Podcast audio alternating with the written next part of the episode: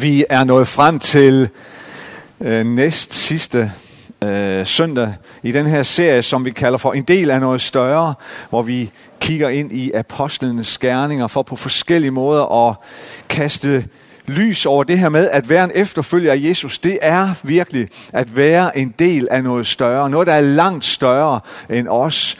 Noget, der er langt større end den enkelte af os langt større end, øh, end det, jeg selv vil, eller øh, som udfordrer mig på enhver form for øh, fristelse til at blive sådan en, en forbrugskristen, der, der først og fremmest skal have opfyldt mine egne behov. Men det er langt større end det, at blive draget ind i Guds store frelsesplan. Det er fantastisk, og næsten ikke til at sætte ord på. Um, og i dag så skal vi se på et, eller tage, tage afsæt i et afsnit øh, i kapitel 16 i, øh, i øh, Apostlenes Gerninger. Men inden vi lige læser det, så skal vi lige øh, rekapitulere bare kort om, hvad der er gået forud. Fordi øh, det afsnit, vi skal, vi skal se på lige om lidt, det foregår i øh, det, som vi kalder for Paulus' anden missionsrejse. Uh, man opdeler jo sådan Paulus' tjeneste i tre missionsrejser. Uh, og det her det er altså den anden. Så, uh, uh, og, og inden da, det, det er jo klart, der var Paulus på sin første missionsrejse. Det er logik. Uh, og i, på den første, uh, ja, der skal jeg lige, der var, ja, det var jeg godt klar over, det tog lige lidt tid der, men, uh, men, men uh, på sin første missionsrejse, uh, der rejste uh, Paulus jo især sammen med en mand, der hed Barnabas. Barnabas var jo ham, der, der, der tog sig af Paulus der i starten. Barnabas øh, så potentialet i, i, i Paulus, da Paulus var blevet omvendt. Og de andre apostle var måske sådan, de var lidt skeptiske. De, så, de holdt lidt afstand, de holdt Paulus ud i, i strakt arm, fordi han var jo den, der havde forfulgt de kristne. Kan vi nu stole på ham? Hvad er han nu for en? Men Barnabas så, at Guds hånd var på Paulus, og Guds ånd var over ham, og han tog sig af ham. Og han fik ham med til Antiochia, som vi også tidligere, en, anden, en tidligere søndag har talt om. Og Paulus og Barnabas, de har den her strategi, at når de, når de, øh, når de kom til en by øh, på deres missionsrejse, så startede de med at forkynde for jøderne. Øhm, Derfor så opsøgte de altid, hvor det var muligt, så startede de med, når de kom til et nyt sted, at opsøge den lokale synagoge. Og øh, så begyndte de med at fortælle om Jesus i synagogen der. Men ofte så forkastede jøderne jo Paulus. Der blev modstand, der blev oprør mod ham mange steder. Øhm, så man kan sige, at på den første missionsrejse, der blev forfølgeren Saulus til den forfulgte Paulus. Forfølgeren Saulus blev til den forfulgte Paulus. Men Paulus han indså nok også der, at han primært var kaldet til at gå til, til, til ikke-jøderne, til hedningerne. Og det er også primært derfor, at der på grund af Paulus' stærke kald til at gå til netop hedningerne, derfor der opstod, der opstod der stridigheder om, hvordan bliver man egentlig frelst? Og det var jo, det var jo de jøde kristne, der øh, blev uenige om det her. Hvordan bliver man egentlig frelst, og hvordan skal man egentlig forholde sig til Moseloven, når man var ikke jøde i forhold til frelsen ved troen på Jesus Kristus? Og de her stridigheder, den her diskussion, den førte til, at, at der mellem den første og den anden missionsrejse, så deltog Paulus i et vigtigt møde i Jerusalem med de andre apostle og lederne fra den, øh, tidlige, den tidligste kirke for at få klarlagt de her spørgsmål. Og det her møde, det kan du læse om i Apostlenes Gerninger, kapitel 15. Og efter det her apostelmøde, som heldigvis lander godt og lander et rigtig godt sted, og de træffer nogle meget vise og vigtige beslutninger, så starter Paulus på sin anden missionsrejse. En, en, en anden missionsrejse, som starter lidt turbulent, fordi den starter med, at der, der opstår et brud mellem Paulus og Barnabas. De bliver uenige. De bliver uenige om strategien, og især om, hvem, hvem, hvem skulle med på rejsen, og hvem skulle ikke med. Øh, så de bliver så uenige, Paulus og Barnabas, at deres veje skilles. Men det er så også ved starten af den her anden missionsrejse, at vi for første gang møder en ganske ung mand, der hedder Timotheus. Som Paulus klart identificerer Guds kald over. Og som han så tager med på rejsen. Og på et tidspunkt under den her anden missionsrejse, så har Paulus et syn en nat. Og i det her syn, der ser han klart en mand fra Makedonien, som øh, råber til Paulus. Paulus, kom til Makedonien og hjælp os. Kom og hjælp os. Og Paulus han ser helt klart det her syn som, som profetisk, som et kald fra Gud, til at de skal rejse til Makedonien. Så Paulus og hans rejsefælder, de begynder rejsen til Makedonien. Og øh, det er så her, vi kommer ind i det her lille afsnit, vi skal læse nu fra kapitel 16 i Apostlenes Gerninger. Da vi var sejlet ud fra Troas, styrede vi lige mod Samothrake og den følgende dag mod Neapolis. Derfra kom vi til Filippi, en koloni, som er en by i Makedoniens første distrikt. I den by boede vi nogle dage. På sabbatten gik vi ud gennem byporten og langs med en flod, hvor vi mente, der var et bedehus.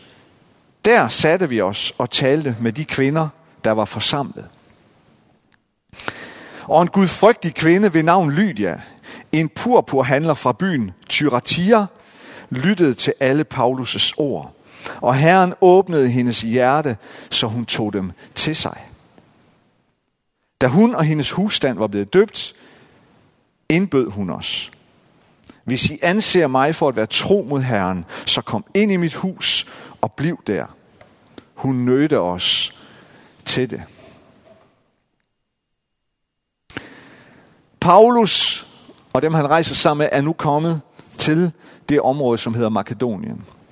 De er kommet til byen Filippi. Og på sabbaten, på sabbaten, der går Paulus og hans folk ud af byen for at finde en øh, synagoge. Helt i tråd med strategien. Men det, at de gik ud af byen, betyder, at der til synligheden ikke var nogen synagoge i Filippi. Hvilket betyder, at der nok nærmest ikke var nogen jøder i Filippi. For der skulle ikke bo ret mange jøder i en by på den tid og i den region, før end der blev opført en synagoge. Så der var nok ikke rigtig nogen. Men Paulus han har sikkert hørt fra nogen og fået det råd, at prøv at høre, hvis, hvis I går ud af byen i den retning, og hvis I følger floden, så kommer I til en synagoge, eller i hvert fald et bedehus. Så kommer I til et sted, hvor der er nogle jøder, der forsamles og beder sammen. Så Paulus og hans folk, de går ud af byen, de følger floden. Og så der på et tidspunkt langs ved floden, så møder de en gruppe kvinder, som de sætter sig og taler med. Og Paulus begynder at fortælle dem om Jesus. Og en af disse kvinder hedder Lydia. Hvad ved vi om Lydia? Vi ved faktisk ikke så forfærdeligt meget, men vi får lidt at vide her. Vi får at vide, at hun er purpurhandler. Og så får vi at vide, at hun er gudfrygtig. Hvad betyder det, at Lydia er purpurhandler? Ja, purpur, det er jo betegnelsen på en bestemt farve. Purpurfarven. Purple på engelsk. Er det ikke Prince, der synger Purple Rain, Purple Rain? Purpurfarvet regn. Vi kalder det nok nærmere lilla. Purpur er den her smukke, dybe lilla farve, som blev brugt til at farve øh, tekstiler og stof med. Og lige præcis det her område, hvor Paulus han befinder sig her, er øh, især berømt, eller var især berømt for sin handel med de her purpurfarvede tekstiler til tøj. Purpurfarvede tekstiler på den tid var, var berømte, og de var eftertragtede. Og det var de især, fordi lige præcis den farve, purpurfarven, det var, den, det var kongens farve. Det var den royale farve. Det var farven, som især de royale, de kongelige, de kejserlige gik i. Den, den var den farve, der symboliserede magt, penge, rigdom, indflydelse. Så det var enormt, det var enormt attraktiv vare. Hvem vil ikke gerne gå i noget tøj, lavet af noget stof med en farve, som får folk til at spærre øjnene op og tro, at man er, man er kongelig, at man er royal. Det er klart, at det her det var eftertragtet. For en del år siden, tilbage i 2011, der var, øh, der var vi som familie på øh, nogle ugers ferie i øh, USA, og hvor vi kørte sådan langs med, med vestkysten. Og øh, så kommer vi også til øh, Las Vegas. Forfærdelig by. øh, kør udenom den, hvis I kommer på de egne. Øh, men vi kom til Las Vegas, og, øh, og, den, og den er, der er jo altså noget, der er noget dragende, det må jeg bare sige, og alle det her lys om natten og om aftenen. Og, og vi havde, øh, vi havde hjemmefra, der havde vi bestilt, der havde vi booket en times kørsel med en limousine. øh, vi har simpelthen booket en times kørsel med, med sådan, så der ruller sådan en, der ruller sådan en stor, sort, kæmpe stor øh, limousine op foran hotellet, hvor vi så skal, øh, skal transporteres rundt i Las Vegas i en time, og der var, og der var champagne ind i den her limousine der, og vi sad derinde bag tonede ruder, og, øh, og jeg, jeg har, sådan nogle, har sådan nogle billeder af, hvor Joachim som sådan en 10-årig knægt, han hænger ud af vinduet og med sådan nogle øh, hipster solbriller over, på, I'm the king of the world! øh, indtil chaufføren sagde, kan du så sætte dig ind? Det må du ikke. øh, men så, da vi så var nærmest os afslutningen på den her tur, så spørger chaufføren, hvor vil I gerne sættes af hen? Og så sagde vi, vi vil gerne sættes af ved Bellagio. Øh, Bellagio, hvis ikke I ved det, er et meget, meget fint og meget berømt hotel i Las Vegas. Las Vegas. Et af de fineste, mest berømte hoteller og casinoer. Der vil vi gerne sættes af foran hovedindgangen. Så han kører op, og det er sådan, der er sådan en lang øh, øh, indkørsel op til Bellagio. Og da vi nærmer os hovedindgang, så er der masser af mennesker. Og da de ser den her store limousine komme kørende, man kan sådan se, de spærrer øjnene op og går sådan til side, og nu er de spændt på at se, hvem det er, der træder ud af den her limousine, og forventer, at der kommer nogen kendte, eller nogen, nogle øh, kendiser, eller filmstjerner, eller noget. Men da de så ser, at det er bare sådan nogle blegfede danskere med flade ekosandaler og Bermuda shorts, der træder ud, øjeblikkeligt så kigger de bare en anden vej, så går de bare videre. Altså, men jeg nød det der øjeblik, bare de der sekunder, bare jeg tænke, hvor de lige spærrede øjnene op, øh, fordi de ikke kunne se, hvem det var, der sad derinde, og nu skal vi lige se, hvem det var. Og så var det jo ikke nogen øh, som helst. Men lidt bare det der med, lidt ligesom at gå i det her pur på farvet tøj på den her tid, det var eftertragtet, fordi folk spærrede øjnene op, det var den royale farve. De var eftertragtet, de her tekstiler, men de var samtidig også meget dyre. For pur på farven var dyr. Det var en kostbar fremstillingsproces, som skulle til for at producere netop den her farve.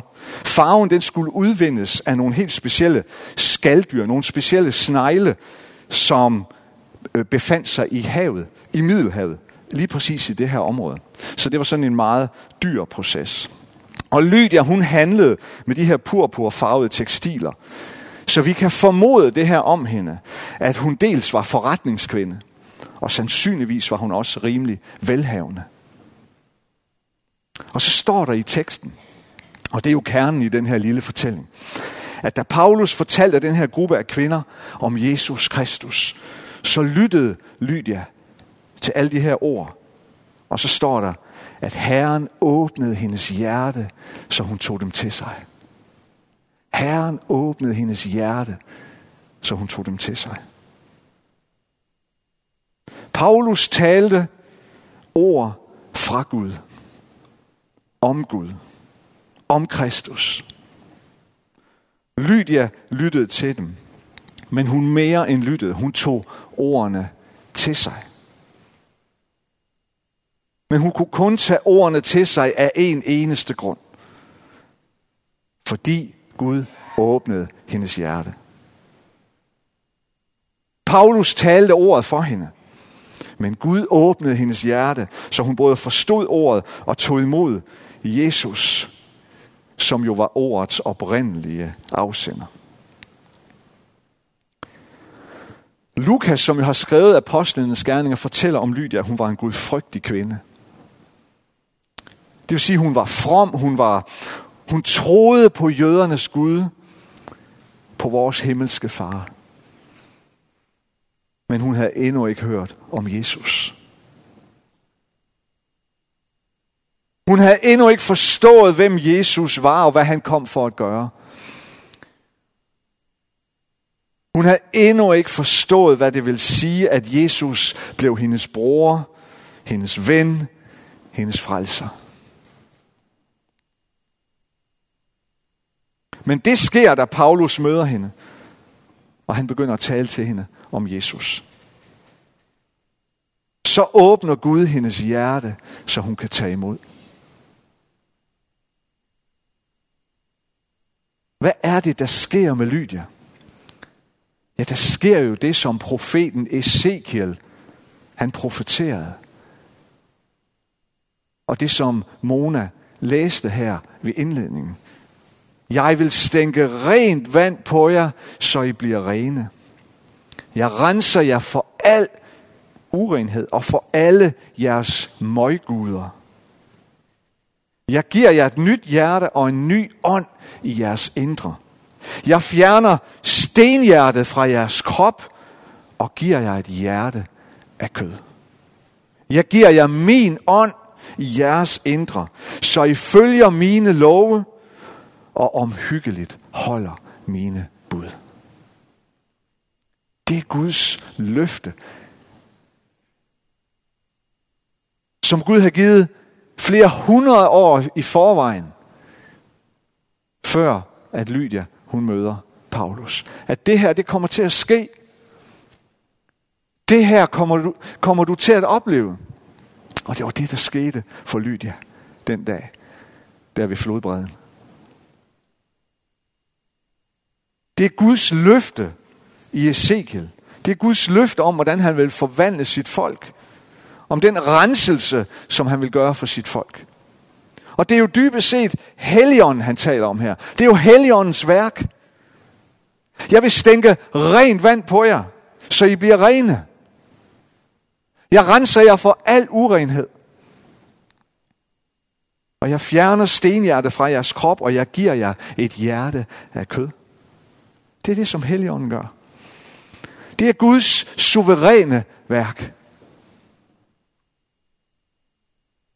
Det er det, som sker for Lydia, da hun lytter til Paulus. Hendes stenhjerte er blevet erstattet med et hjerte af kød. Et hjerte, som kan åbne sig for Gud. Og da det sker, så bliver hendes liv forvandlet.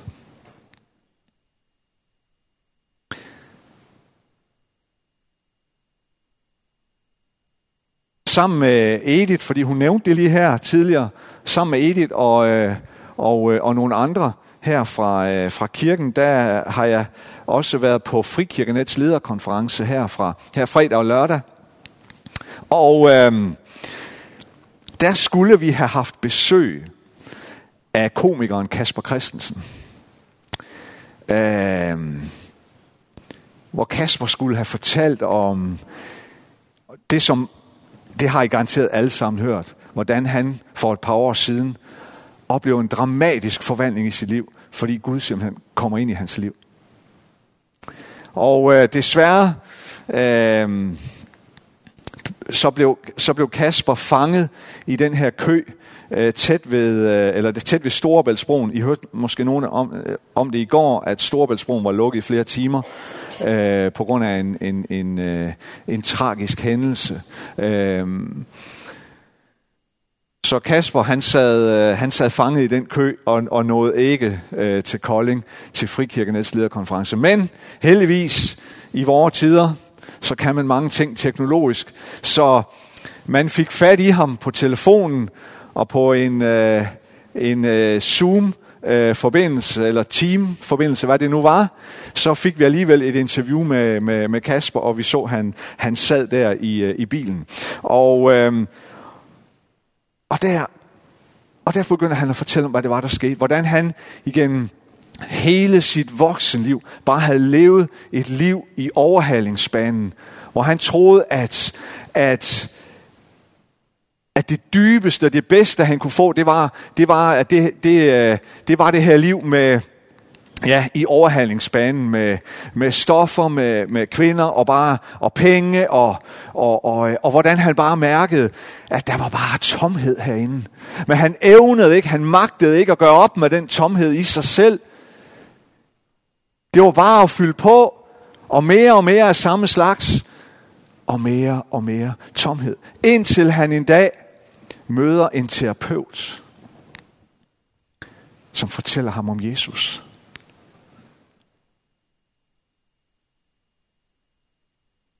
Og den her, den her hændelse gør ikke noget ved Kasper sådan lige øh, øh, på det tidspunkt, men der går lidt tid, og så på et tidspunkt, så sker der noget i hans liv, og han kommer til at tænke over det her, jamen, så vil jeg, så vil jeg prøve at bede til Gud. Og så bad han til Gud, og bum, så møder Gud ham. Og det har forvandlet hans liv radikalt. Øh, det var gribende at høre. Han lovede der, da han holdt i køen, jeg kommer til næste år. Så det glæder vi os til. Så kan man spørge sig selv, hvorfor skete det her lige for Kasper Christensen, og ikke for alle andre komikere, for eksempel, på den danske stand-up scene? Jeg ved det ikke. Det svar har jeg ikke. Men jeg ved, det er Guds afgørelse. Ligesom man også kan spørge, Lydia sad der med en gruppe af mennesker ved floden den dag, Paulus kom forbi. Vi hører ikke, at, at de andre øh, kvinder, som sad med, øh, øh, sammen med hende, vi hører, ikke, vi hører ikke, at deres hjerte åbnede sig for ordet. Vi hører ikke om, at de tager imod. Vi hører kun om Lydia. Og vi kan spørge, hvorfor? Jeg ved det ikke. Jeg ved, det er Guds suveræne afgørelse. Guds suveræne værk. Vi ved ikke, hvis hjerte Helligånden beslutter sig for at åbne, så de kan tage imod sådan her. Det er ikke vores afgørelse eller vores beslutning. Paulus talte jo for tusindvis af mennesker igennem alle de år, hvor han rejste rundt. Og det var bestemt ikke alle, hvis hjerte, der blev åbnet for ordet. Men lige den her dag, da han går der med sine rejsefælder langs med floden, så mødte han Lydia, hvis hjerte den dag blev åbnet af Gud. Det Paulus gjorde, det var sådan set bare, at han gik der langs med floden. Da han så en gruppe mennesker, så stoppede han op, satte sig ned sammen med dem og begyndte at tale med dem. Og så sad han og observerede og så, betragtede, hvad der skete med de, med de der kvinder, han talte med. Og så så han, hvad der skete med Lydia. Han kunne se, at hun var anderledes end de andre. At der skete noget med hende. At hun lyttede måske på en anden måde end de andre. At hun kunne tage imod. Og lige der, der vidste Paulus, hvad der var sket.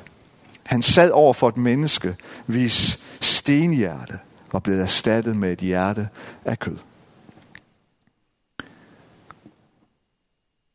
Det her det er Apostlenes Gerninger kapitel 16. I Lukas evangeliet, også kapitel 16, der fortæller Jesus en historie, en lignelse, om en rig mand, som klædte sig i hvad? I purpur. Så Jesus fortæller en historie om en mand, som var både rig og måske adelig og kongelig.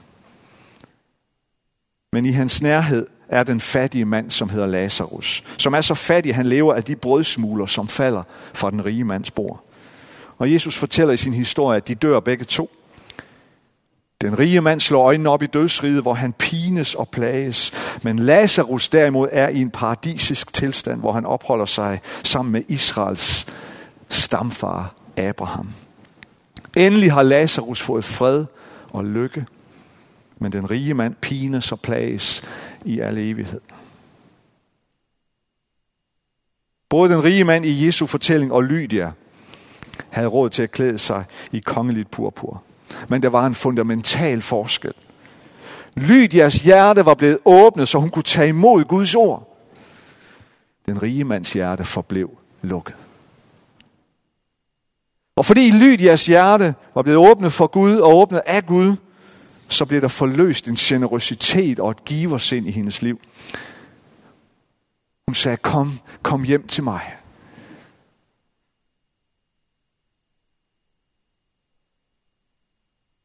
Hun åbnede sit hjem, og hun åbnede sit hjerte, fordi, det, fordi hjertet allerede var blevet åbnet af Gud. Den rige mand forblev lukket om sig selv. Han blev og var det stik modsatte er givende og generøs. Kære venner, vi ved simpelthen ikke, hvordan hjertet er hos den næste, vi møder. Vi ved ikke, om det er et hjerte, som Gud lige har åbnet for, for præcis det, du gør og det, du siger ind i det menneskes liv. Vi ved det ikke. Men det er heller ikke din og min opgave at vide det. Din og min opgave, det er at gå langs med floden. Din og min opgave, det er at gå langs med floden.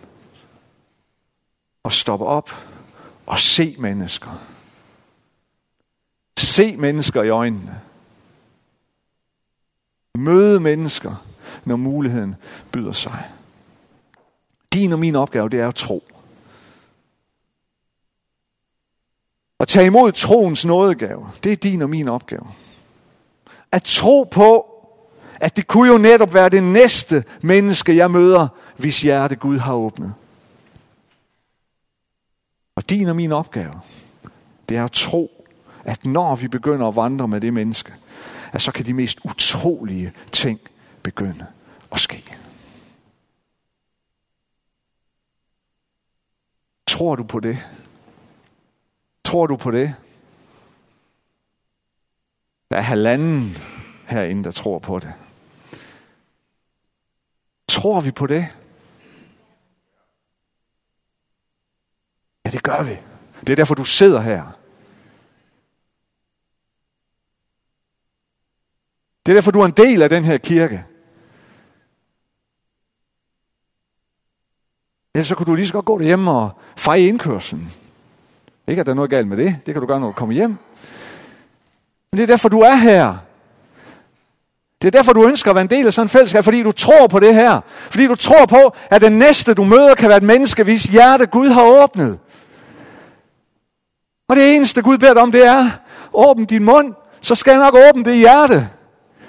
Du kan ikke åbne det menneskes hjerte, men du kan åbne din mund.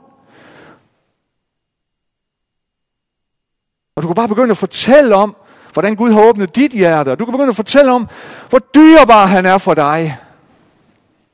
Og hvor dyrebar det, det andet menneske er for Gud. Det er alt det, han beder os om. Vi kommer aldrig til at kunne åbne et andet menneskes hjerte. Hverken kirurgisk eller, eller i overført betydning. Det er Guds arbejde. Alt, hvad han beder os om, det er at bruge den her lille tro, han har lagt i dine hænder. Jørgen Hylgaard, som vi har haft besøg af mange gange her i kirken, han kommer igen til foråret, han plejer at sige, en lille tro er en stor tro. En lille tro er en stor tro. Det eneste Gud beder os om, det er bare dog at bruge den lille bitte tro, der ligger her i vores hænder og tur tro på, at når jeg åbner min mund, så åbner Gud hjertet. Skal vi bede sammen?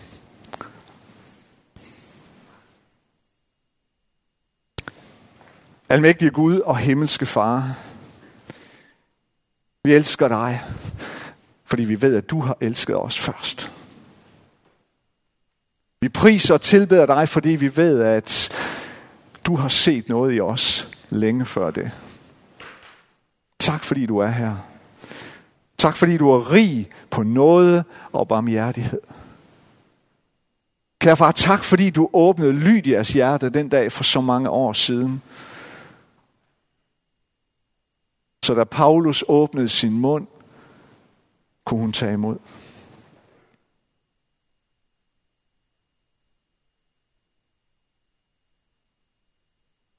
Kære far, vi beder om, vi beder om, at du tilgiver os, når vi, når vi alt for ofte holder vores mund lukket. Fordi vi er bange for, at menneskers hjerter ikke er tilstrækkeligt åbne. Fordi vi er bange for, hvad de måtte gøre, eller hvordan de måtte reagere, eller hvad de måtte sige. Fordi vi er bange for, at de stiller spørgsmål, vi ikke kan svare på. Tilgiv os, far, fordi det dybest set handler om, at vi ikke tror tilstrækkeligt på, at du åbner det menneskes hjerte. Forbarm dig over os, og hjælp os, giv os noget, Herre, til at turde bruge den tro, der ligger i vores hænder, i vores sind, i vores hjerte.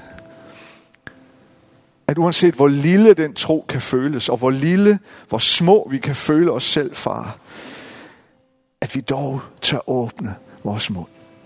At vi dog som Lydia tør åbne vores hjem også, og invitere indenfor, og byde velkommen. Hjælp os til at tro på, at når gæsten kommer i vores hjem, så kommer Helligånden. At når vi åbner vort hjem for en gæst, så kommer du. Og når vi åbner vort mund for at tale til en gæst, så kommer du, Helligånd.